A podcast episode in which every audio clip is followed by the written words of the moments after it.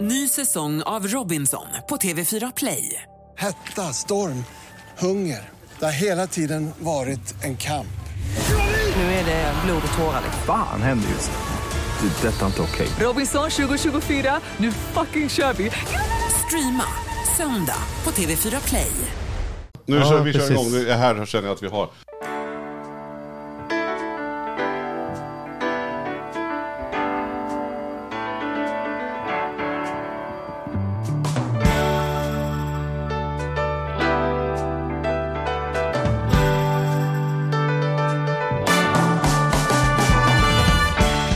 Och välkommen till Ekonomi på riktigt med Charlie och Mattias. En Hej. podcast om ekonomi som vi gör med Compriser. Ja, Säg någonting vettigt om Compriser. att de är en fantastiskt bra jämförelsesajt. Bra.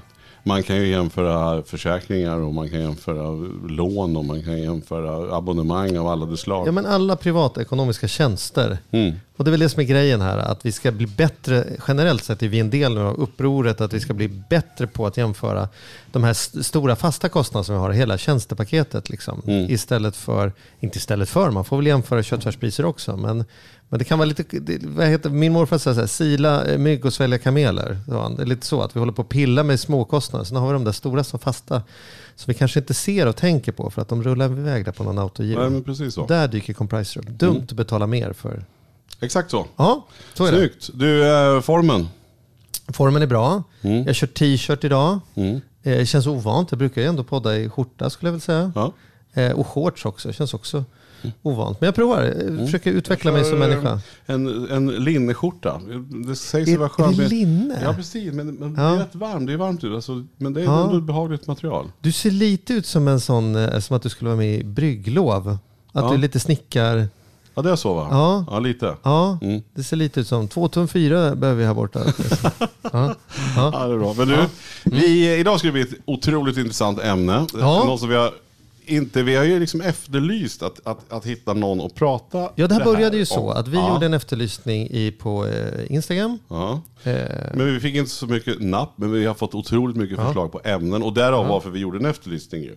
Men sen så tänkte jag så här, men nu måste vi bara tänka till. Vem borde man ha Mm. eh, om man ska snacka djur och pengar och allt det här? Ja, då, borde man, husdjur. ja, då måste man ju ha experten själv egentligen. Arne Weise. Nej. Nej. Men dock tv-profilen, och jag får säga så här, fråga veterinären Oscar.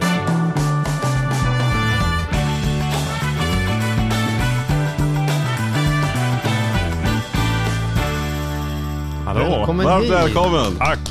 Kul att vara här.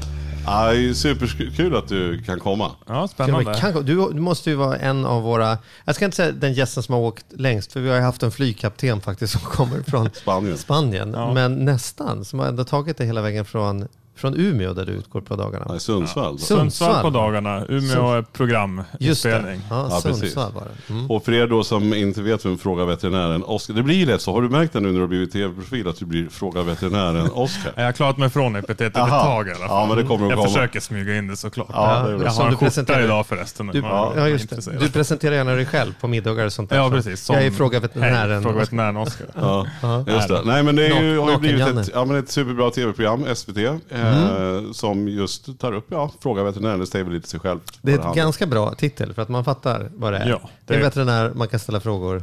Ja. Ja. Och du jobbar då till vardags som veterinär, Jajamän. och du är chefsveterinär. Chefsveterinär. Vad är skillnaden på en veterinär och en chefsveterinär? Det är som läkare över läkare. Man har lite mer administrativt ansvar, ansvar lite för personalfrågor, medicinskt ansvar. Man Ja. är ju en veterinär. Det största delen jag gör är ju, precis som alla andra mina kollegor, det är ju klinisk verksamhet. Men det är så även inom veterinäryrket att den som blir tillräckligt bra på veterinär blir plötsligt chef.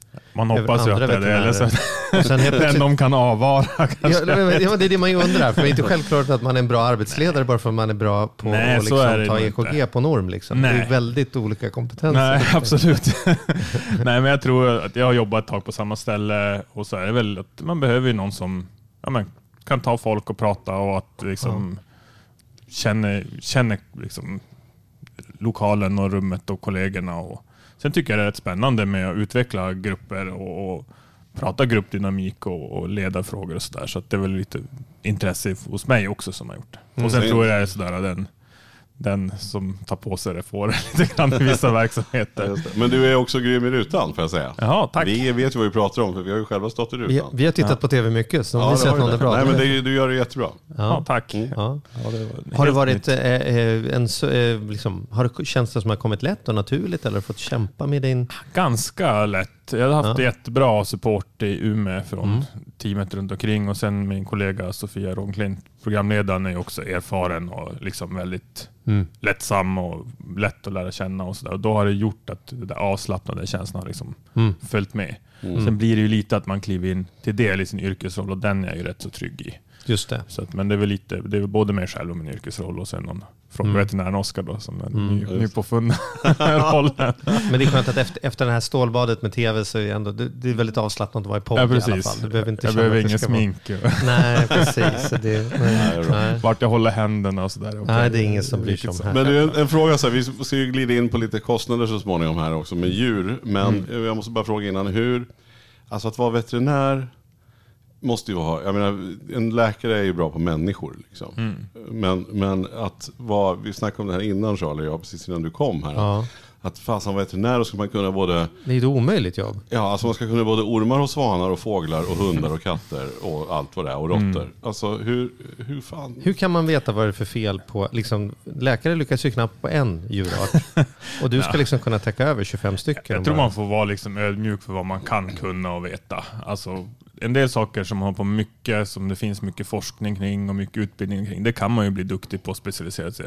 Andra saker vet vi inte så mycket och det är också svårt att bedöma. Som sagt, ormar och men de svårt att uttrycka sig, det är svårt att undersöka dem, det finns inte jättemycket tester, det finns inte mycket pengar som helst hos ägarna kanske att, att göra stora utredningar. Så att Man får vara tydlig med vad vi kan göra och inte kan göra och så göra sitt bästa. Och sen läsa på mycket. Alltså I vardagen läser vi mycket artiklar och diskuterar kollegor emellan. Och så där. Men har du arbetstid avsatt bara för att lära dig mer om... Jag vet inte hur det där funkar. Nej, alltså. det har vi ju inte. Alltså, vi har ju ronder där vi diskuterar fall eh, på arbetstid och sen så får man ansöka om kurser och sådär och vidareutbilda sig. Lite vad man är intresserad av och lite vad som kanske verksamheten behöver. Vad är det du- konstigaste som har kommit in? I vad vi andra skulle tycka var konstigt. Ja, jag vet inte. Jag tror att det är en igelkott som hade liksom förlamande bakben, alltså en sån här dvärgigelkott. Det var liksom lite oväntat. Jag hade inte sett den på bilden på den tiden. Det var några år sedan. Men, Ja. men det har ju blivit lite vanligare djur nu. Men det var nog för Vadå, folk har igelkott Ja, ja, igelkottar, det här- jag vänner som har. Afrikanska pygméigelkottar, det är sådana Ja. nattaktiva djur. Så att de, man kan ju som inte göra så mycket om man inte är nattugglor. Då. Det är väl så här för folk som, Ja. som inte har så, behöver kliva upp tidigt på morgonen. Men du berättade när du kom hit att du hade jobbat, du, vad sa du, du klev av åtta i morse, nu är klockan tre på eftermiddagen Ja. och du klev av åtta och hunnit tagit dig från Sundsvall och hit Ja, efter ett 16 timmars pass. yes. Vad hade du för djur de här 16 timmarna? Det var katt och hund. Bara På katter och hundar? Ja, lite blandat. Någon katt Mm. som hade fallit från ett fönster 10 meter och klarat sig i stort sett oskadd. Och ja, lite sådana solskenshistorier också. Mm. Åh vad jobbigt det där måste vara. Alltså jag tänker också så här, vi, vi, jag menar om man kommer in med barnen på sjukhus är ju jättetufft och jättejobbigt. Men det känns som de kan man ju prata med någonstans liksom. Eh, och säga att nu är vi här eller nu händer det här eller sådär. Men, men du- hur, det måste vara otroligt svårt att möta dessa hund, katter, alltså djurägare som är frustrerade. För många är ju ens djur kanske större för dem. som- Ja, men, alltså det är ju så stort så det är ens allt. Liksom. Ja, det är ju viktiga familjemedlemmar Ja. och för vissa människor är det ju allt de har. Ja, som inte precis. har så mycket människor i sitt liv lika så mycket kan som, djuren ett, som vara... ens barn. Det är Ja. Liksom, ja. Nej, jag, jag tror att det där är att, att liksom möta folk på deras nivå. Att om, om man får människan att känna sig trygg så kommer djuret märka. Djuren har ju fantastisk förmåga att läsa sin omgivning. De är ju skickliga på att avläsa liksom stämningar och det sociala spelet. Så får man ägaren att känna sig trygg så får man också djuret, Djuret. att känna sig trygg och det där blir liksom en, en positiv effekt. Och tvärtom såklart att får man inte med sig ägaren är den chockad, ledsen, upprörd och ett, ett djur som är på samma sätt så kan det där trigga varandra. Så att, Men alltså den här Då får känslan... man be ägaren vänta utanför då, eller? Nej, men jag tror att man får ta sig tid att förstå att det är ett yrke där, där prata med människor och se människors behov är en väldigt stor del för att kunna göra det bästa för, för djurens behov också. Igen? Vadå? det Det är live. är live. Ja, men, ja men precis. Alltså, ja, vi, vi tar om det här så får Petter klippa bort det. Ja, eh, vi alltså, det var är väl att nästan- möta människornas behov. Ja, men jag tror att om man ska man bör tänka på att det är liksom väldigt mycket ett yrke där man möter människors behov och människors rädslor och känslor. Och om man blir duktig på det, då får man också utrymme att, att göra någonting bra för djuren. Ja, just det. För det måste ju ändå vara, alltså, jag tänker ändå man är på, det kan ju bli väldigt dramatiskt eller drastiskt eller snabbt. Ja, just det, om någon kommer in och en, ett djur mår dåligt och man ett också beslut om att avliva. beslut, Ja, men, mycket beslut som faller ja, men på där och då, det kan ju Ja. vara så att här måste vi avliva det här djuret. Det är ju lyckligtvis inte så ofta, det sker ju inte på ett vanligt sjukhus såklart. Nej. Vi är människor. Men jag menar, ett sånt, ett sånt beslut måste ju vara Det måste vara fruktansvärt att behöva fatta ett sånt, även om det är helt rätt beslut. Ja. Men jag tänker i mötet med husse Matte, liksom. Ja, men jag tror det att, liksom att man får ju också känna in lite grann vad ägarna vill. Det är inte allt som är uttalat och alla är inte klockrena med vad de vill, utan man får liksom luska sig fram till det ibland. Och sen tror jag att man, precis som ni säger, det är massor med beslut. Vi sitter inte med facit. Det kanske är jättehöga kostnader, det är en jättestor insats för djuret. Man kanske också bara känner att ska djuret behöva genomleva det här operationen eller vad det är och inte veta facit. Och allt det där måste ta sig in och samtidigt ekonomiska diskussioner, diskussioner om ja, vad finns det för möjligheter och ja, kanske Jo, behöver också skicka det här- remittera iväg djur och djurägare, finns den möjlighet? Det är så mycket att ta in på kort tid och man får ju tänka att de, när, djur, när människor kommer in i en sån situation, det är i chocksituation, de här värsta fallen, Mm. då är man kanske inte heller sitt bästa jag och, och det får vi ju ta höjd för, att folk Mm. är upprörda och arga och ledsna och chockade och förtvivlade. Men för dig, du är ju som en läkare där pengarna är liksom en daglig liksom, fråga hela Mm. tiden. Alltså, när jag går till, med Primus till doktorn så är det ingen som säger så här, är det värt att lägga en röntgen Nej. på honom? Utan det är ju inte Ska ens, vi låta han Ja. springa? Ja, ska vi låta får han sitta i bur i Ska, ska, fem låta, veckor? ska, vi låta ska vi Primus, ska vi honom? låta Primus somna in eller ska vi göra den operationen? Det är liksom så här, den frågan existerar ju Nej. inte med människor. Vi är ju så bortskämda med det. Som jag Mm. har haft min sista huvud, går på magnetröntgen varannat, varannat år. Jag har ingen aning om vad det kostar. Nej. Men i ljuset av vad det kostar med djur tänker jag att det är säkert 20 000 som någon betalar någonstans för Ja, att liksom, om, om det räcker. Men Ja, alltså, jag, tror att, jag tror att det... ja. Och det, det, Och, och du, Elin gjorde ar- blindtarmen här för, för ett tag sedan. Det är inte som att jag frågar när du säger så här, oj, gjorde hon blindtarm? Vad gick det på då? Det är liksom, det, det, nej, vi har Tog ju, du stora paketet eller? Ja, men för dig är det ju så hela Ja, man tiden måste- att man måste säga, ja. ja. men ska vi göra det här? Det här är vad jag tror är bäst för djuret. Det här tror jag, men du vet, det kostar så här mycket. Det här är så, alltså. Vi måste göra prioriteringar och vi måste vara tydliga med vad saker kostar och vad vi tror prognoser så, här, så att djurägaren kan ta Men hur är det då? Att, att Man ekonomigrejen skulle ju dyker gärna upp? Liksom. slippa det. Alltså det är ju, så är det ju. Det är ju inte det, är inte det roligaste delen av jobbet att prata pengar. Det är ju inte därför folk blir veterinärer, för att diskutera kostnader med djurägare, utan det gör man ju för att hjälpa folk och hjälpa djuren till största del. Men ska vi börja där då? Vad kostar, vad kostar det om jag kommer till dig nu? Om, eller det är bättre om du kommer som har djur. jag. Nej, men det är ju när- rimligare. Du har ju hundar. Ja, vi har hundar. Ja. Och, och när det är någonting så är det ju... Alltså så här, min, det är min fru som sköter det, det ska jag ärligt säga. Det, det är liksom hennes hundar, fast det är klart att det är mina också. Men det är hon som Mm. har ansvaret för hundarna och det är hon som ville ha hundarna. Mm-hmm. Eh, och, och hon tar, så fort det är någonting så är det hon som åker in till veterinären. Vad med kostar det då? Vad är det första det Nej, kostar? men, ja, men då kostar det och jag slås ju, och jag har ju lärt mig. Jag hade inte en aning om att det var så dyrt. Jag har ingen hund, jag har inte haft hund förut. Jag, Dyrt kan du inte säga, för din värdering av Ja, relation okej. till vad du får. Ja, men kostnaden att det är så mycket pengar. Mm. Ja, men, ja, att det är så mycket pengar. För varje, jag har ett exempel nu, så, så en av våra hundar har slumpat sig så att nästan innan midsommar nu, fyra år på raken, Mm. så åker vi till vårt landställe. Eh, hunden äter mycket gräs. Och tre, av någon konstig anledning, så tre år på raken då, så har, har vi varit inne till veterinären och då har veterinären sagt att det är lunginflammation. Eh, och, och, då, och sen har man fått då antibiotika. Antibiotika. Sen är det en sån här förskrivningsavgift. Men sen så kostar det här besöket. Det brukar ligga runt 2 500, 2 3 eller någonting. Men sen i år, och det här hör ju egentligen inte till saken, men, men jag bara tänker på var, och då i alla fall i år då så händer det här igen. Eh, strax innan midsommar så åker vi till Vad skulle du säga som veterinär om för fjärde året i rad hunden får? Ja, alltså det är lite Precis. lurt att det är säsongsbetonat. Ja, jag kände också det. Och då, och då Ja. sa jag så här att, ja, men, rent logiskt bara, sa jag till Malin att det är högst ok- Kan det verkligen vara, man kan inte få lunginflammation sam, alltså det kan inte slumpa sig så. Det är ju ganska osannolikt att man blir smittad med något Ja. exakt samma tid varje Ja men år. precis, liksom. och då i alla fall så åker den in till veterinären och så pratar med veterinären. Och då sa den veterinären, eh, som var en, en annan då, än vad vi haft tidigare, som sa just det, att det här verkar konstigt. Jag tror att det kan vara en pollenallergi. Eh, så att vi skriver ut kortison. Eh, så då fick hunden kortison och som man skulle äta i tre dagar tror jag, eller sånt där, fyra dagar. Och det är en väldigt liten hund som man fick dela dem där. Men det, och, ja, hem två och ett halvt ungefär kostar det. Strax Den är i storleksgränsen någonstans mellan en iller och en fjäril. Nej, det är, en, det är en chihuahua som är lite för stor. Som Men väger tre och ett halvt, fyra kilo. Ja, ja, oj. Det säger alla små. Nej, herregud, du anar inte mycket. Nej, men i vilket fall så, så, eh, ja, men så kommer den här. Och- Och sen så åt den då den här medicinen. Och det här, nu är det här en bisak. Jag är ute efter pengen, inte den här Nej, men historien. Men, berätta. jag måste ändå få dra historien.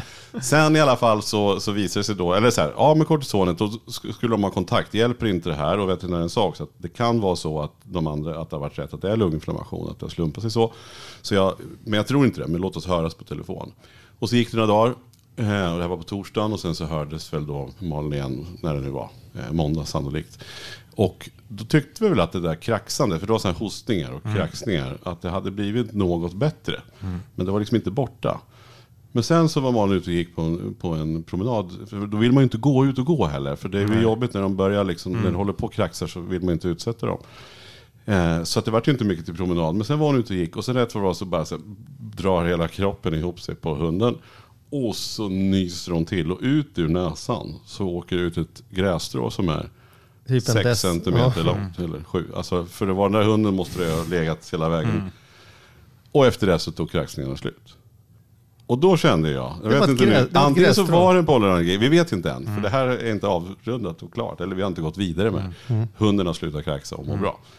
Men det var ju sannolikt inte lunginflammation. Det var ju sannolikt så här. Men vad, om vi bara om vi håller det här som ett kul fall. Vad skulle du, jag förstår att du inte kan kommentera ett enskilt fall. Men vad säger du om storyn där? Kan det vara det här grässtrået? Visst kan det vara grässtråt. Det kan ju vara någon bakgrund till att kanske äter mer gräs just den tiden. Det kan ju bero på något säsongsbetonat, att man blir lite svullen, irriterad i svalget, har lite så Mm. här astmakänning så att det är lite skönt.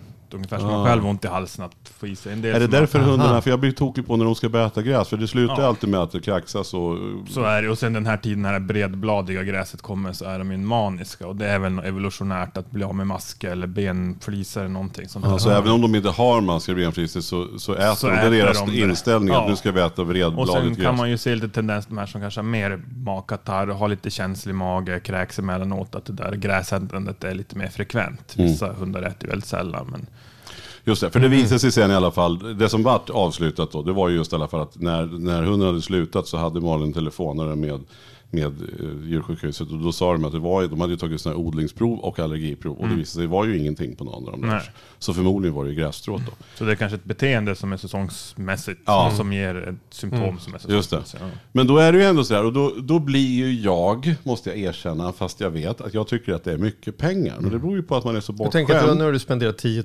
000 på veterinärbesök på Ja, fyra för, år. för ett grässtrå då För kanske. grässtrå. Men det är klart att man gör, alltså jag hör att jag låter så här, men Gubbe. Nej, men jag kan förstå den tanken också. Ja. Att liksom man, man, man, är lite så här, man, man tänker att det är, behand, det är resultat jag behand, betalar för. ja, lite så Fast tänker man. egentligen är det bedömningen man betalar för. Att, Ja. att man kommer och gör, någon gör en, en bra en klinisk undersökning, gör sin bästa professionella. Det är ju ingen som med, med vilja har ignorerat det där grässtrået. Och det är kanske sådär att hade man varit mer påpasslig och betalat ännu mer tidigare så hade man kanske hittat det där grässtrået. Så att det kan ju... Mm. Ja, det är, lite, det är alltid en svår det. avvägning där. För att, Ja. Men, Men det där är en, en vanlig fråga. Liksom, att, men de, ni hittar ju ingenting. Varför ska jag... Ja, just det. Och jag, och, men jag tänker också så här att det, nu spelar det ingen roll för att de var ju fantastiska. Men jag struntar i om det var grässtrået, viktigt att hunden mår bra såklart. Mm. Men det är ju, man måste ju ha klart för sig att det är jättemycket pengar för ett veterinär. Alltså jag tänker för de som ska skaffa husdjur och de Mm. som inte har kanske en buffert för, för att Ja, men ha berätta för djur. mig som bara har silverfiskar hemma i, i, Ja. i eh, knivlådan. Vad kostar grejer? Ett, ett vanligt eh, grundbesök, alltså ett bokat besök där man kanske får en, en undersökning för en, man har en knöl på huden eller man har lite ont i ett öra. Så första besök, det brukar kosta mellan 500 och kanske 800 kronor beroende på ställe och lokal och ja, hur pass avancerad vård som erbjuds är oftast det som en del av grundkostnaden. Och sen är det klart ett akut besök då talar man kanske 1500-2000 kronor. Och det här är ju innan man börjar ta prover och man gör en Det är bara för att komma Ja. in liksom. Alltså jag tror Ja. att en ganska bra vägledning är att se vart lägger försäkringsbolagen sina självriskgränser. Tänk att jag precis tänkte säga För det. det är ju liksom ett så här att där någonstans ligger väl ett genomsnittsbesök. Att de inte behöver betala för det här vardagliga enkla besöket. Så det, det kan man börja med att har man en, en hund eller katt eller vad man nu har helförsäkrad så, så hjälper inte det mot själva grundveterinärkostnaden. Händ, har man ut grässtrå i näsan och kommer in akut, då är det, då är det 2 500 Ja. i alla fall. Men det är ju den där Som man, ska ta, för självrisken. man vill ju att det ska tas prov och det hade, hade det nu varit någonting så hade vi fått veta det ju på det här provet. Ja, det är klart. Så jag menar, jag klandrar inte, det var Nej. inget fel överhuvudtaget. Utan, Nej. men, men då och det är kan vara skönt att veta att man har uteslutit det. Även om man inte hittar Ja. något så har man uteslutit det där man kanske Men är säg, orolig att, för. men säg att det är an, vad, vad är det mer man kan tänkas behöva göra? Säg att vi måste operera här. Det är Alltså liksom- behöver man operera och framförallt om det är akut och liksom kväll eller helg, alltså Ja. då kan det bli väldigt väldigt mycket pengar. Framförallt om det är specialiserad kirurgi, alltså någon benkirurgi, alltså de bryter ett ben som behöver fixeras. Det är få veterinärer som gör det, det kräver mycket utrustning och sådär. Men hunden har brutit benet. Vad, vad, vad tror du att jag har? Mellan tummen och pekfingret 30 till 50 000 för själva Ja. operationen och kanske lite eftervård. Och, och där är också lite grann vilken typ av kirurgi det gäller. Wow, Men då- och, och, och hur, men hur är försäkringen då? Vad, vad, Alltså- om vi, ska, vi behöver inte gå in och nörda i varje, men Nej. om vi ska generalisera om du har Kan en på, djurförsäkring. har jag en djurförsäkring, då kommer jag aldrig behöva betala 50 000 för någonting? Eller är det som, jo, det är mycket som inte täcks av den där ändå? Ja, liksom. så det, det är ju inte så mycket undantag, men jag tror att man ska vara medveten om undantag. Och som alltid, och som ni också pratar om, att läs på innan liksom, och kolla de där små artiklarna och paragraferna i ditt kontrakt. För det är ju ett kontrakt man har. Men har man haft djuret försäkrat sedan de var valp, då har man ganska bra skydd. Och sen är det ju maximal, beroende på lite hur man själv tänker, har man en dyrare försäkring med högre maxtak, alltså maximalt som försäkringen, då, då är det ju ja, då, då har man ett bättre skydd men man betalar också mer för det. En det finns väljer ett maxtak på de här alltså? Ja, alltså det, Ja. Mm. det är lite olika från olika bolag, men från 20-25 000 upp till 75 100 Mm. Jag tror till och med att det finns de som är över 100 000 i maxtak. Då. Och det är per år då som försäkringsbolag. Men har jag inte tänkt på det så sitter jag med en försäkring med 20 000 i maxtak Ja. och sen så blir det ett en benbrott här. operation för 50 000, som kostar ja, då 50 000, är det ju då är det 30 000 30 000. ur egen ficka. Så Ja. är det ju. Och vad, vad tror du, men vad är det vanliga då? Om vi vill säga att min hund nu då, den som, om det inte blir ett gräs och den ramlar ner någonstans och får bryta benet och, och man måste in med det där. Mm. Då, då är det, säger du, ofta, vanlig försäkring ligger någonstans, maxtak 40, 50 eller? Ja, det är där. De har ju ökat eftersom kvaliteten på vården, vad kunden efterfrågar har ökat, så har ju också kostnaderna ökat och då följer försäkringarna med. Alltså Mm. Det är ju lite grann som alltså jämför med fastighetsmarknaden, när efterfrågan på bostäder ökar och, och bankerna ger högre lån, då höjs också priserna. Alltså det, Mm. det är liksom att ju fler som har möjlighet att söka vård, desto... Men finns det de som, är- alltså är det en fråga gång? Man sitter ju inte i något vidare förhandlingsläge om man är husse eller matte om man kommer in och sen så säger man så här, ja, men det här, är- man vet att man har maxtak på 20 och sen bedömer du att det här är en ganska avancerad operation och kommer landa på 70. Det är väl ingen, eller är det det, som säger nej men då får vi ta en spruta. Jo, det finns nog de som gör, absolut. Så, och som inte kan sätta sig i den situationen ekonomiskt eller inte har möjlighet Men att hinner man göra en bedömning då? Om någon kommer in där och är desperat så kanske man inte det första tänker Så på. då tror jag att bara- man får försöka, liksom, får man den uppfattningen, man märker att de är oroliga kring pengarna och frågar mycket, alltså att då försöker vi vara extra tydliga och säga att så här mycket kan det kosta och det kan bli komplikationer, det finns ju en garanti för resultatet. Och så också diskutera vilka alternativ det finns. Alltså det, Mm. det kanske inte alltid är avliva djuret eller göra den dyra kirurgin. Man kanske kan göra en risk-nytta och säga okej, jag får ta ett större ansvar som djurägare och jag har en större risk att det inte blir helt bra och behandla det vi kallar konservativt, till exempel en fraktur. Ja, men då får man ha djuret i burvila, man kanske får ha gips eller bandage. Man, det finns en risk att det läker lite snett eller att det inte läker bra. Men det är det man kan göra och då får vi liksom göra det bästa av den situationen. För, för om man då inte betalar, om man nu säger så här, man är bara lag, fixa, fixa, fixa, man har gråtit och man är Mm. liksom. Och sen visar det sig att man då är fakturan, eh, då, då, då ställer djursjukhuset ja. ställer liksom den, den vården, vad ska man säga.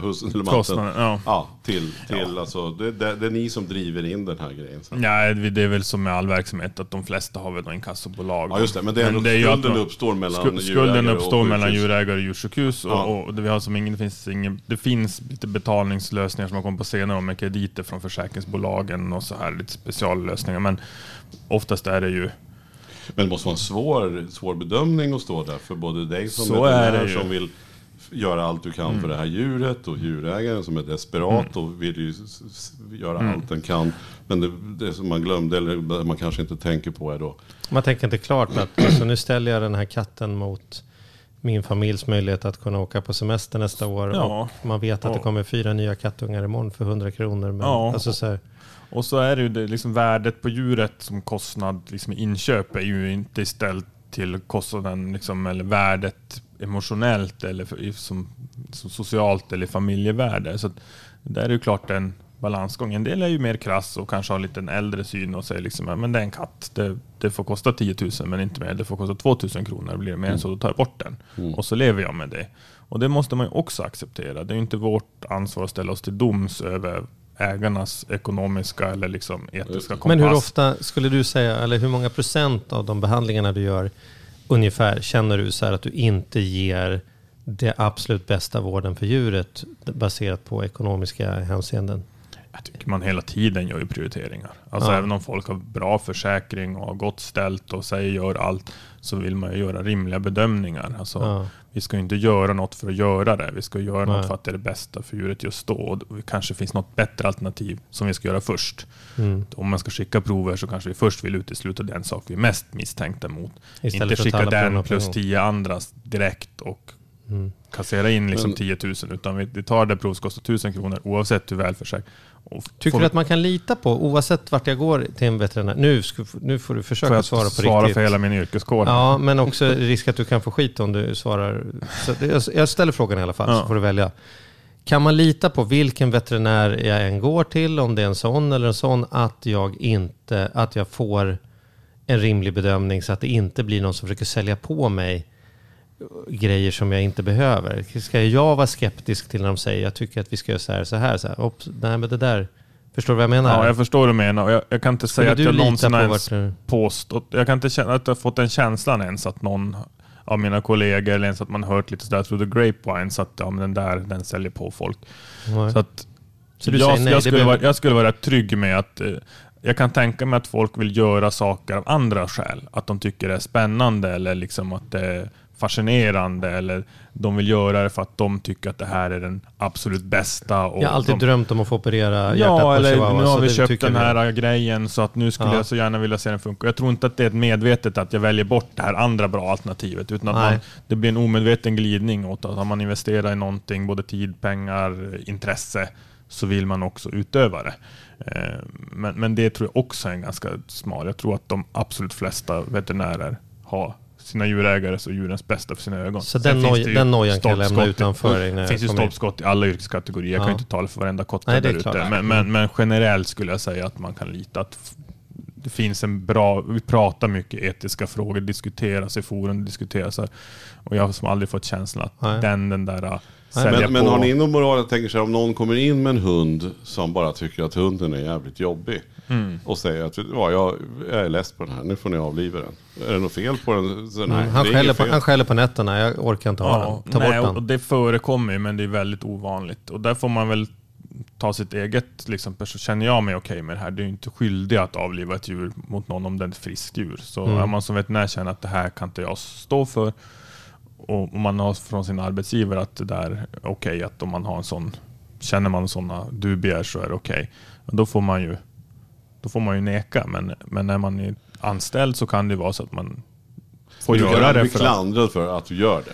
Nej, det kan man ju inte bli. Det finns en, I vissa länder är det ju så att man måste ha ett medicinsk orsak. Tyskland till exempel, så får man ju inte avliva djur om det inte finns en medicinsk orsak. Och det be- betyder ju att det finns massor av oönskade djur som fyller upp diverse djurhem och inte mår så bra istället. Så det är ju alltid en avvägning där Ja, mot att riskera att, att avliva friska djur lite i onödan, inom citationstecken, mot att man inte avlivar och folk dumpar dem någonstans för att de inte Ja, kan. ja, liksom. Nej, det, det, vi- det är svårt. Jag det är inte lätta moraliska frågor. Nej. Nej, vi släpper det. Vi går vidare på kostnaden tycker jag. Vad, vad Jag kostar, det, om- vad kostar det att ha en hund? Mm. Ja, Oh, jag har inga siffror, men en försäkring kostar ju... Jag tror jag betalar 1300 kronor i kvartalet för vår försäkring. Och det är en sån här mellanförsäkring. Eh, och sen är det ju hundfoder, eh, beroende på storlek på hund, mellan några hundralappar till någon tusenlapp i månaden.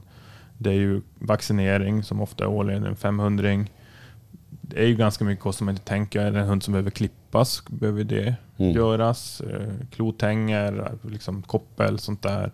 Hunddagis för de som inte Just det. kan... Alltså det är, skulle- Lite accessoarer på det, lite söta Ja, saker. ja alltså jag skulle tro att det är ju att man kommer nog inte undan ett hundägande för under 10-20 000 kronor om året. Det har jag svårt att tro. Alltså det, Mm. Plus inköp av hunden då. För det tror Ja. jag många. För jag, jag tycker att vi har sett genom åren, och många utav dem eh, som jag, nej men, med, som man har hjälpt med ekonomi och sådär genom Mm. åren.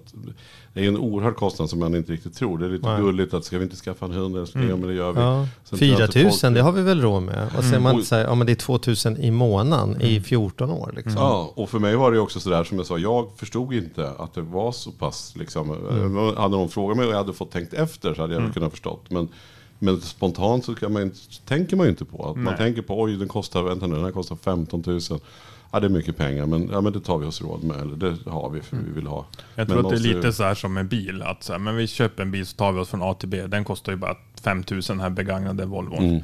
Men jag menar det är ju den minsta kostnaden med den där begagnade Volvon. Nu är det lite krasst att jämföra Ja. djur, och, djur och bilar men, Nej, jag, men tror att, jag tror att Mm. tankemönstret är lite samma. Att man, Mm. man ser inte kostnaden, jag menar det är förbrukning och det är underhåll och det är ju samma sak på ett djur. De behöver mat och de behöver vård och de behöver lek och de behöver omvårdnad. Ja, och någon gång behöver de ju oftast. Det är väl, alltså, man kan ju ha flyt med att det inte är så mycket veterinärbesök, men för, man får ju förutsätta att det ändå blir det. Ja, det är det dyker liksom- upp saker. De är ute i naturen, Ja. de kan trampa in en glasbit eller man kan... Det är väl inte så senare ofta man har de en ju hund i alla 14 gamla år och sen och plötsligt liksom. Mm. Nej, det är ju ändå ovanligt. Sen är ju, måste jag säga, vi är lite, jag är ju lite fackskadad. Man ser ju mest sjuka djur, så man blir lite så att man tror att alla djur är sjuka. Men om jag sett på mitt eget hundägande så har jag ju liksom inte behövt, vet, även innan jag blev veterinär, inte haft så mycket med veterinär att göra. Utan det har varit... Men, men då är vi någonstans 2000 kronor i månaden per hund. Mm. Och sen så dessutom kanske en tusenlapp extra per hund för att ha i buffert för att när saker händer, Mm. det kan komma operationer och grejer, då vill man verkligen inte sitta där och göra sig av med familjemedlem för att Nej. vi har inte fått löning ännu. Liksom. Mm. Och det tror, det tror, det tror, så tror inte jag många Nej, det borde man ju faktiskt det- sätta undan ett hund. Har man hund så borde man ju sätta undan Ett hundsparande. ja, ett hundsparande Mm. Eller kattsparande eller vad det nu kan vara. Och det är en del människor som gör så istället för att skaffa försäkring. De tycker att jag har haft frisk ras, jag har flera hundar. Och händer något så är det bättre att jag betalar ur egen ficka än att jag betalar försäkringsbolag. Mm. Och så, Vad säger du då? Tycker du att man ska ha djuret försäkrat eller inte? Hur gör du själv? Jag har djuret försäkrat. Jag tycker att det är en trygghet. Man har ju ändå det där. För även om man har ett sparande, det kan ju vara så att man har nallat på det där sparandet eller man just står i en ekonomisk situation. Då har du, du har ju kontroll på din kostnad. Det är som med alla försäkringar. att Det kanske inte blir någon ekonomiskt lönsamt i längden för din bil blir aldrig påkörd eller ditt hus brinner aldrig ner. Men du vet ju att du har, ett, det är en trygghet man köper. Det är ju liksom peace of mind lite grann man betalar för. Och, och, och försäkringar är ju utifrån vad man får ändå kan jag tycka prisvärda. Sen är det klart att försäkringsbolagen gör ju pengar på dem, annars hade de inte använt dem. Så det är liksom ingen Nej, men och, välgörenhetsorganisation. och tänk på som du sa, tyckte jag var så bra innan, att, att man måste komma ihåg att självriskerna ligger ofta strax, Ja. strax och det är ju inte det är ju inte, det är inte ni veterinärer som har satt gränsen efter, alltså, tar så mycket betalt där deras gräns ligger, utan det är de som har lagt gränsen Nej, för de gör ju vad, det är, det är såklart stora analyser för att Ja. se vart, det, vart rimligheten ligger och det är ju rätt. Så att, för då kan de hålla premien ner och hålla sina aktieägare glada. Det är ju affärsdrivande verksamhet. Mm. Men man måste vara medveten om det, för man blir ju lätt besviken då när man tänker, jaha, Tror, jag har en försäkrad. Jag har en försäkring och det är klart som fan att veterinärkostnaden låg 100 spänn under självrisken. Ja. Det känns ju som man är lurad menar jag. Eller att man har en rörlig självriskdel och så blir det det där benbrottet och så Mm. fast man hade försäkring så fick man betala 10 000. Och det är ju inte små pengar för alla. Liksom. Det är ju, det är Jag har, jag har en kompis som hade en, en hundvalp, eller som har en hundvalp, eh, som kanske snart inte är valp, men som var tvungen att operera, var, de fick ta bort livmodern tror jag, på något sätt. Eh, vad, eh, och då så, så sa hon att det täcktes inte av försäkringen. Mm. Eh, Vad kan det bero på? Eller Kan det vara, ja, som den är valp, jag tänker på någonting man bör tänka på. Det kan vara att den var nyligen införsäkrad eller att de bedömde att det inte var liksom ett akut tillstånd. Att den, försäkringsbolaget inte gjorde det. Då kan man ju såklart ifrågasätta. Det finns ju sådana här, man kan överklaga sitt Mm. Ja, just det. Men det kan vara så ändå. Fast Det man, kan vara så att, att Hur ofta händer det att du gör en bedömning och sen så gör försäkringsbolaget en annan bedömning? ganska ovanligt ändå. Okej. Men jag tror att också man, man har lärt sig med åren lite grann vad som inte täcks och vad de är tveksamma mot att informera ägarna Mm. bättre ju, ju längre tiden går. Att man liksom, okej det här kan alltid vara en tveksamhet så att ni måste vara medvetna om att om vi inte hittar det här som vi tror att det är så kan det vara så att ni får betala för det själva och så får djurägaren ta det beslutet om det. Jag tänker vi ska prata lite grann om, om, om raser. För, för när man håller på med, med eh, ska man välja bil, då är det så här, här är låg servicekostnad, ha en Skoda liksom. Så här. Men när man väljer hund eller katt, då är det ju sällan att, då säger man, åh vi ska ha en sån där för den är så himla gullig. Skulle du säga då, som är på andra sidan, vad, om man inte vill ha massa onödiga veterinärkostnader, finns det några sådana här vad är topplistan över hund och kattraser som säger ta inte dem för de är fan inte friska från början. Det är liksom... Jag tror att liksom, Skådan är väl de här liksom, blandraserna eh, och kanske jag menar, de, det vi kallar polarspetsar, alltså huskies, gråhundar, jämthundar sådär.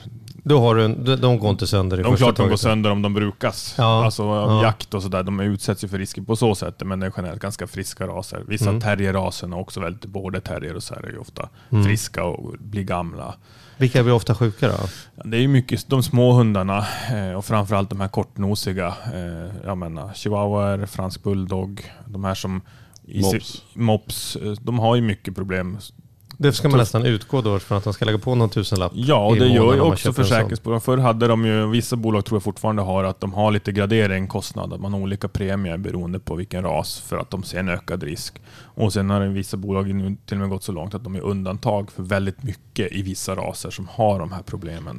Då. Är det, det här- är det ett raskänt fel så kan man inte med, Nej, det börjar bli så att, att de täcker har blivit hårdare från försäkringsbolagen. får du skylla dig själv liksom, om du har Ja, köpt lite lite så. att den är så. andningsproblem på en bulldog. Ja. Nej, jag menar, det, här, för det här var ju faktiskt min fråga också, att just hur man ska tänka då när man ska skaffa ett djur. För Mm. att det, är så här, det, vi, det är klart att man ska ha husdjur, det är underbart. det är fantastiskt. Det är ju liksom vad den känslan som man ändå inte vill landa i, att det bara är dyrt och tråkigt. Men, Nej. men hur tycker du, om man nu inte är så att man absolut måste ha en viss ras eller Mm. sådär.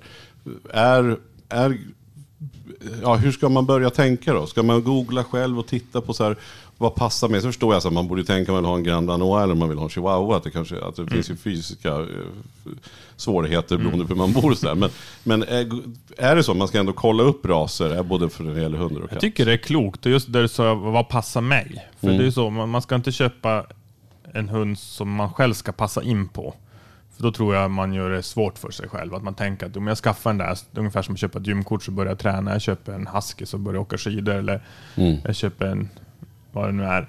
Att, utan att tänka så här, men vad, vill jag ha i livet? Men jag vill ha en hund som jag kan kela mig i soffan och som behöver lite enklare alla hundar behöver motion, men jag behöver liksom inte sticka ut och springa två mil om dagen för att den ska må bra eller sticka ut i jaktskogen. Ja. Ja, men då kanske jag ska ha en hund som kan trivas med det. Eller det här är en hund som är lätt blir ängslig själv eller sådär. Men då kanske jag måste ha sällskap eller så kanske inte passar mig för jag måste kunna lämna den ensam. Mm. Och sen är det klart att det går inte att, det är inte så att man kan välja en butik exakta egenskaperna men grovt Men sådär ändå man grovt tänker tänka att, så liksom. Och, och när man vet ungefär storlek och sådär, då kan man ändå titta då att den, det här har varit problem. Man kan kolla med försäkringsbolagen. Finns, är det en större risk med kortnosade eller som du sa? Ja, eller och man- läsa på. Det finns ju, sen är det ju som alltid på internet, mycket av det som syns är det som det är helt fantastiskt eller helt fruktansvärt, medan sanningen ligger någonstans i mitten. Att Ja. Gråzonerna försvinner ju ofta när man googlar, men, men det finns ju mycket kunskap. Man kan vända sig till rasklubbarna, man kan vända sig till kennelklubben, man kan, om man har en brukshundsklubb i närheten kan man ju gå dit och fråga. Jag har det här intresset, jag har det här livsstilen. Vad tror ni skulle ni som har erfarenhet av hundar? Fråga folk i bekantskapskretsen som har haft hund. För har man inte haft hund tidigare eller inte själv ägt en hund på det sättet så kanske man inte riktigt vet vad man ger sig in på. Och det är som med- alla Är det samma med katt? Alltså att man, lite grann, att man ska ändå ska Ja, fundera det tror jag. Katter tror jag är lite, lite orättvist fås att man tänker att det är ett lätt ägande medan på många sätt är katterna mycket svårare djur. Alltså att vi, vi har svårare att läsa dem, de har mycket mer specifika krav kanske än många hundar. Både på sin miljö och saker utifrån vi inte kan påverka som de kan må dåligt av. Så, så att, lite är ju det att historiskt har katt varit lite slit och slängvara och blir mindre och mindre så. Men jag tror att det är samma sak där. Man ska tänka, kan jag ha en, den här katten, klarar den att vara innekatt? Vill jag ha en katt med de risker att vara innekatt eller de risker att vara utekatt? Man liksom Mm. läser på. Och sen är det ju, det är ju alltså, folk köper djur och gillar djur av en anledning. De man tittar på dem och smälter och ser den där fuktiga nosen eller de där stora ögonen eller lurvepälsen och så är det kört. Liksom. Mm. Åk aldrig och titta på valp är en sån här klassisk Ja, sanning och, och så är det nog. Jag tror att Det är så man vaknar upp med pygmé igelkottar hemma. Vi ska bara åka och titta. Ja. Men vänta nu, de är bara vakna på natten och du kan inte hålla i dem. Det spelar ingen roll, den behövde följa med hem. Nej, men jag tror att det, man, man landar nog, många landar nog med en hund som de kanske inte hade tänkt. Den där man tog över eller den där som Mm. dottern ville ha eller som frugan ville eller maken ville ha eller sådär. Och sen säljer man in hur bra rasen är. För Ja. att, och sen Ja, man det det. Så får man liksom bara bli en Skoda-ägare eller en Ja. Maserati-kille liksom efteråt. Man får köpa kepsen. Just det. Hur, vad, har du, vad har du själv för husdjur? Jag har en hund, eh, en pointer. Vad är en pointer för Det är något? en engelsk eh, stående fågelhund. De ska liksom jaga, söka upp ripa och skogsfågel och stå och markera dem. Därför de heter pointer, att de ska peka på Just det. fågeln. Men du, är du ute och jagar också med den? Jag är ute och jagar. Ja. Så det var det som gjorde att du valde... Ja, så lite sådär äh, saknat av hund. Jag hade hund Mm. för några år sedan och så fick jag ta bort det. var en äldre hund. eh, Och så var det, som sagt, man hamnar lite med, då var det någon som, en kollega från djursjukhus i Östersund som hade en hund, eller hon var uppfödare till den här hunden och de kunde inte ha kvar den. Och det var en Mm. frisk medelålders hund. Och så var det så här, någon som är intresserad så diskuterade jag och sambon, nej men ska vi inte åka och titta och se om det är något Åh för nej, oss, du liksom." åkte och tittade. Ja. ja, och det var långt, det uppe i Norsjö utanför Umeå. Men, vi skulle, så att vi, men vi vart lite frälsta där, så vi åkte dit och så Mm. träffade vi dem, familjen då och så träffade hunden och så ja, fick hon åka Det med i fint bagageluckan och så sa vi att ja. Ja. men vi testar väl några veckor och så kände vi bara efter någon dag, nej, men Det är lite Det- det är fint att det är även chefsveterinären är lite blödig när det kommer. ja, ja, ja, oj, oj, oj, du ska bara veta. ja, vad härligt. Finns det någonting man lägger onödigt, där, där du liksom som, du är ju insatt djurägare då, mer än de flesta, där du tycker att folk lägger onödiga pengar, där det är så här, men gud varför håller de på och köper det där dyra fodret, eller det spelar väl ingen roll om man ska ha sån här, sån här korg eller så här. Var, var kan man, jag finns det några det- de- husdjurshacks liksom? Jag tror accessoarer är väl liksom, det är väldigt lätt där man tänker att man köper det för hundens skull, men Ja. det är mycket för att man själv tycker det är kul. Jag tror att man gillar att kitta liksom, det är med hundar som allt annat. Man, Ja. man köper de där korgarna och grejer till bilen och någonting till rummet och en speciell Mm. matskål och det ska vara kopp. Alltså där rullar Men det foder rätt. är väl också, också Foder de måste uppenbarligen äta och- och, det är väldigt skillnad på vad saker kostar. Om man köper Absolut. sån här Willys basfoder eller någon sån här jädra special med eh, äk- äkta lever och laxbitar. Alltså Ja. Och, och lite får man ju vad man betalar för, men sen är det ju stort spann hos, som hos människor. Man kan äta det mesta och må bra på det om man äter med måtta och rör sig. Liksom. Och, och där tror jag att många hundar också kan göra det. Om man, liksom, man behöver inte ha det dyraste fodret för att vara en bra djurägare eller att en hund ska må bra. Nej men vet du, det där är känsligt fick jag veta. Eller om det var, för då köpte jag, för ibland åker jag ner till landstället och då gör jag det så tar jag alltid med mig hundarna. Mm. Eh, och även om det som sagt är Malins hundar så är det ju så men varför petar du upp grässtrån i näsan Ja, men ja, det, är, det är en bra fråga. Men i alla fall, då så tyckte jag att det var lite fräs. För de får ju äta samma mat och det är någon jädra... Sam, vadå, samma mat som ni äter? Nej, men Nej. alltså nej. Men då har Malin sagt att det här ska du köpa. Så, så får jag, Mm. så här, och har jag köpt fel får jag gå tillbaka och byta. Men så tycker jag att det var, så vi inte prata mer om det. Sen så tycker jag att det är kul varje gång. För jag tänker så här, fan vad jobbigt att äta samma foder igen. Så när jag tog Dopsitorpet i början, då, köp, då stannade jag på Alltid den vägen här, och så köper jag. precis när midsommar så gör det det. Jag vet inte vad det här beror på, hur man ja, då sjukdom. också.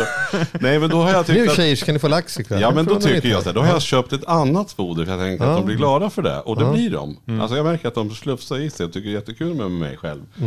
Sen fick jag veta att det där var ingen bra, för då var jag inne på en foderaffär, Mm. eh, en zooaffär, och då sa jag så här, nu ska jag vilja prova något, för jag brukar köpa, och då fick jag veta, det där, ska man inte, det där var känsligt att man får inte bara byta foder plötsligt, sa de. Nej, alltså man, man, man brukar rekommendera att man ska liksom successivt gå över, för man har Ja, men varför på, då? Varför då? då? Jag tror att man har stått på samma foder under lång tid, så mag-tarmfloran anpassar sig, matsmältningen är anpassad för ett visst foder. Mm. Sen är det klart att om det är en frisk hund och det är ett foder som liknar på, på många sätt, så tror jag att alltså de flesta hundar klarar ett, ett snabbare byte också, men de stoppar i sig en massa dynga ute och det brukar ju gå bra.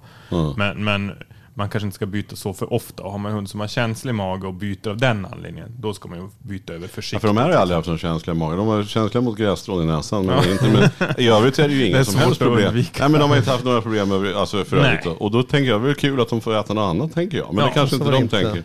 Det kan man absolut göra och jag, jag brukar ju också vara så att man får vara lite pragmatisk. Liksom, Mm. att, jag menar, de äter liksom kattskit ute och så får de inte äta ett majskorn inne. Man, man får ju tänka lite sådär. Ja, att man visst får man väl stoppa ner om man har lite köttfärs, även om den Ja, är kryddad. man- Det ska man väl få spetsa Ja, maten alltså lite. det är liksom en måtta. Alltså Ja. så är det Det är som med allt. Och, och vissa saker ska man undvika. Hör du det Malin? Jag får lägga på lite köttfärssås, säger chefsveterinären. Ja. Fråga veterinären Oskar.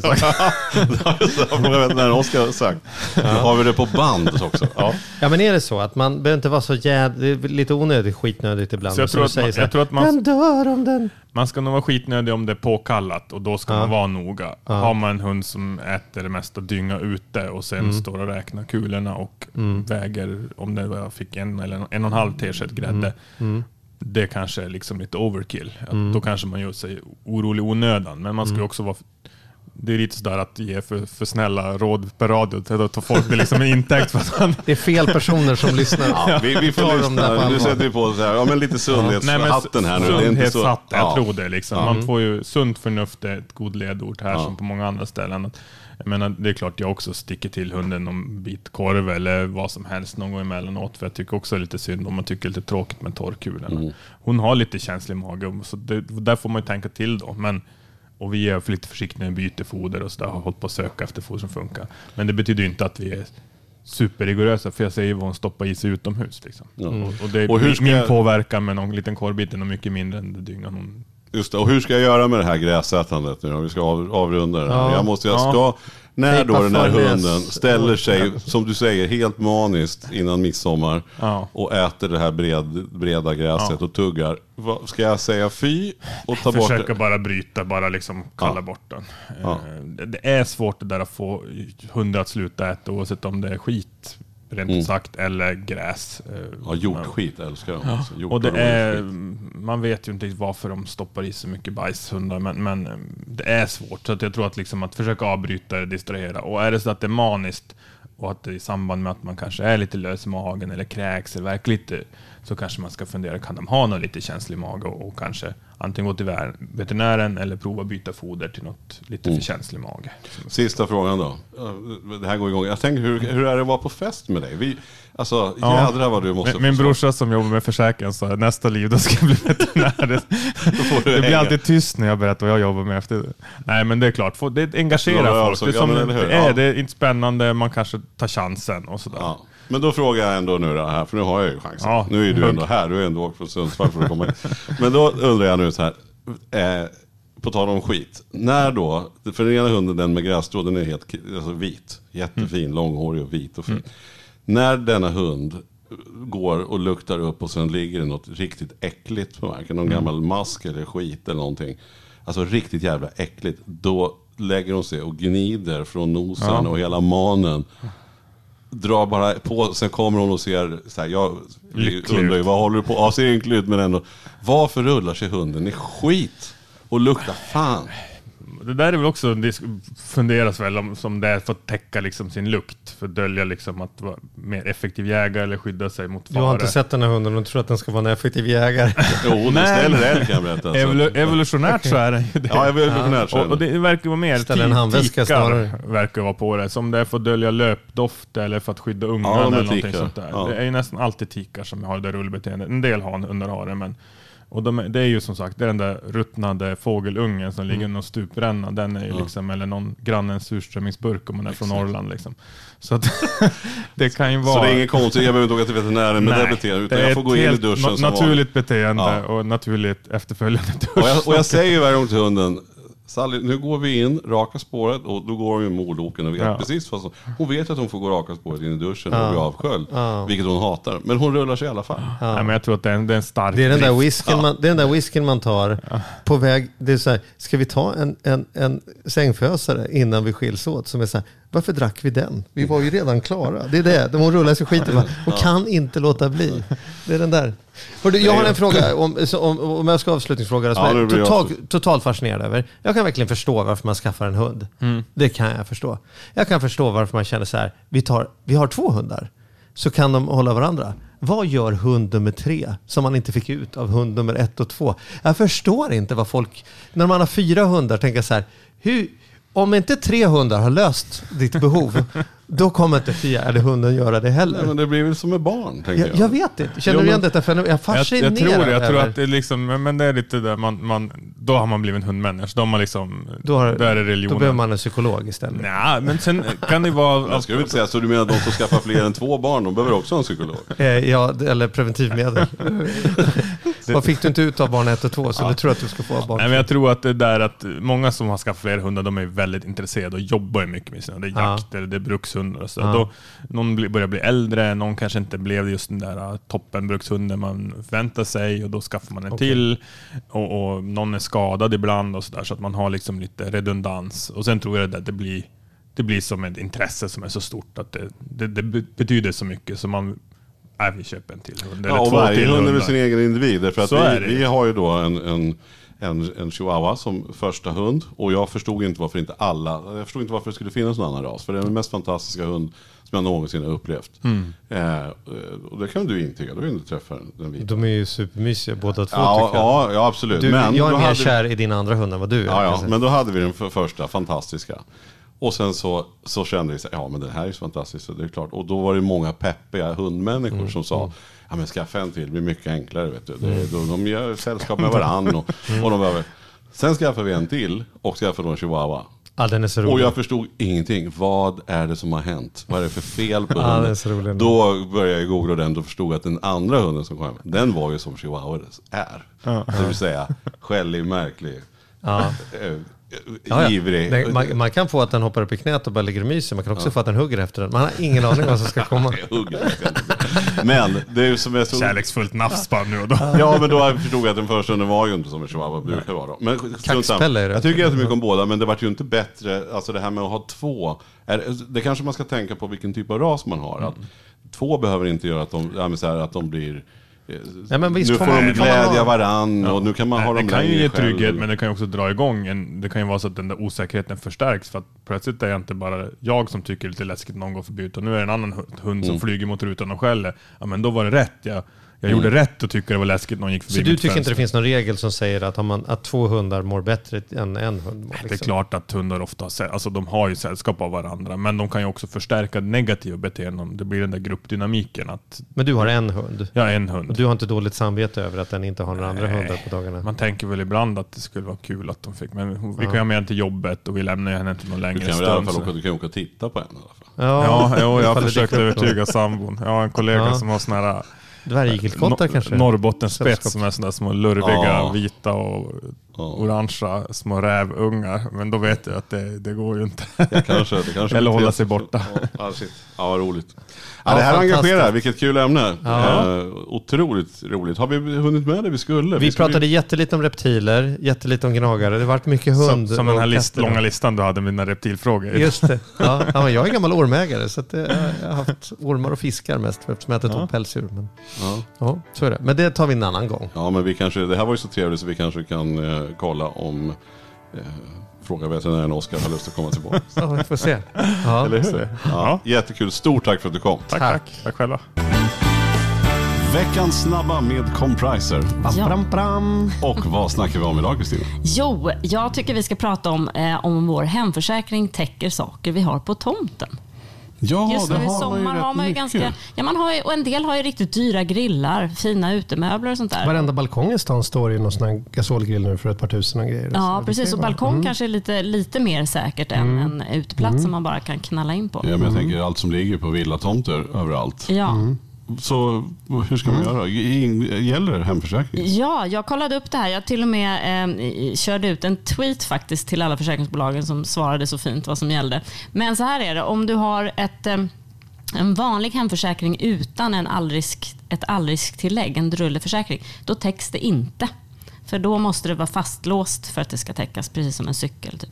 Men har du drulle så täcks det i, fl- i de flesta fall, inte alltid men i de flesta fall. Så att det de rekommenderar försäkringsbolagen är ju så här, har du riktigt dyra saker som folk liksom verkligen kan gå och, eh, och spana in och planera att sno så ska du låsa fast det för att vara säker på att du får tillbaka pengarna. Men man kan ju inte låsa fast eh, den här robotgräsklipparen. Då, det säger sig självt, så klipper de bara i en liten cirkel Men där på nätterna hörnet, kanske liksom. du kan låsa in den. Men det är då den ska köra, eller? Nej? Ja, är det kanske. så? Ja, det är det Ja, fast kanske. där är det ju med koder och annat. Där, där Ja, kan kanske. Den kanske inte, oh, den är dyr va? Ja, Gud ja. Ja. Jo, men jag tänker bara på utemöbeln som, som, som vi har. Ja. Alltså, nu, ja, jag menar, ja, men herregud, det är massor med pengar men det går inte att gå och kedja fast den. Så att, då är det den här allriskförsäkringen. Ja, ha en allriskförsäkring så, um, så ska du klara dig i de flesta fall. Och det är den vi menar när vi säger ordet drulle. Ett klassiskt uttryck för det. Och det är faktiskt ett väldigt bra tillägg för de flesta att ha i sin Ja, hemförsäkring. Du tycker man ska ha det? Jag tycker man ska ha drulle. Alltså, det är lätt att tappa telefonen i vattnet eller någonting. Det finns mycket, mycket klantiga saker som du kan få betalt. Vem fan tappar telefonen i toaletten? Tänkte Oj, jag det- fram tills för två år sedan. Nej, var det så? Ja, men vi släpper den. Ja, den släpper vi. Ja, men bra. Då, då är det lite klokare igen då. Yes. Tack.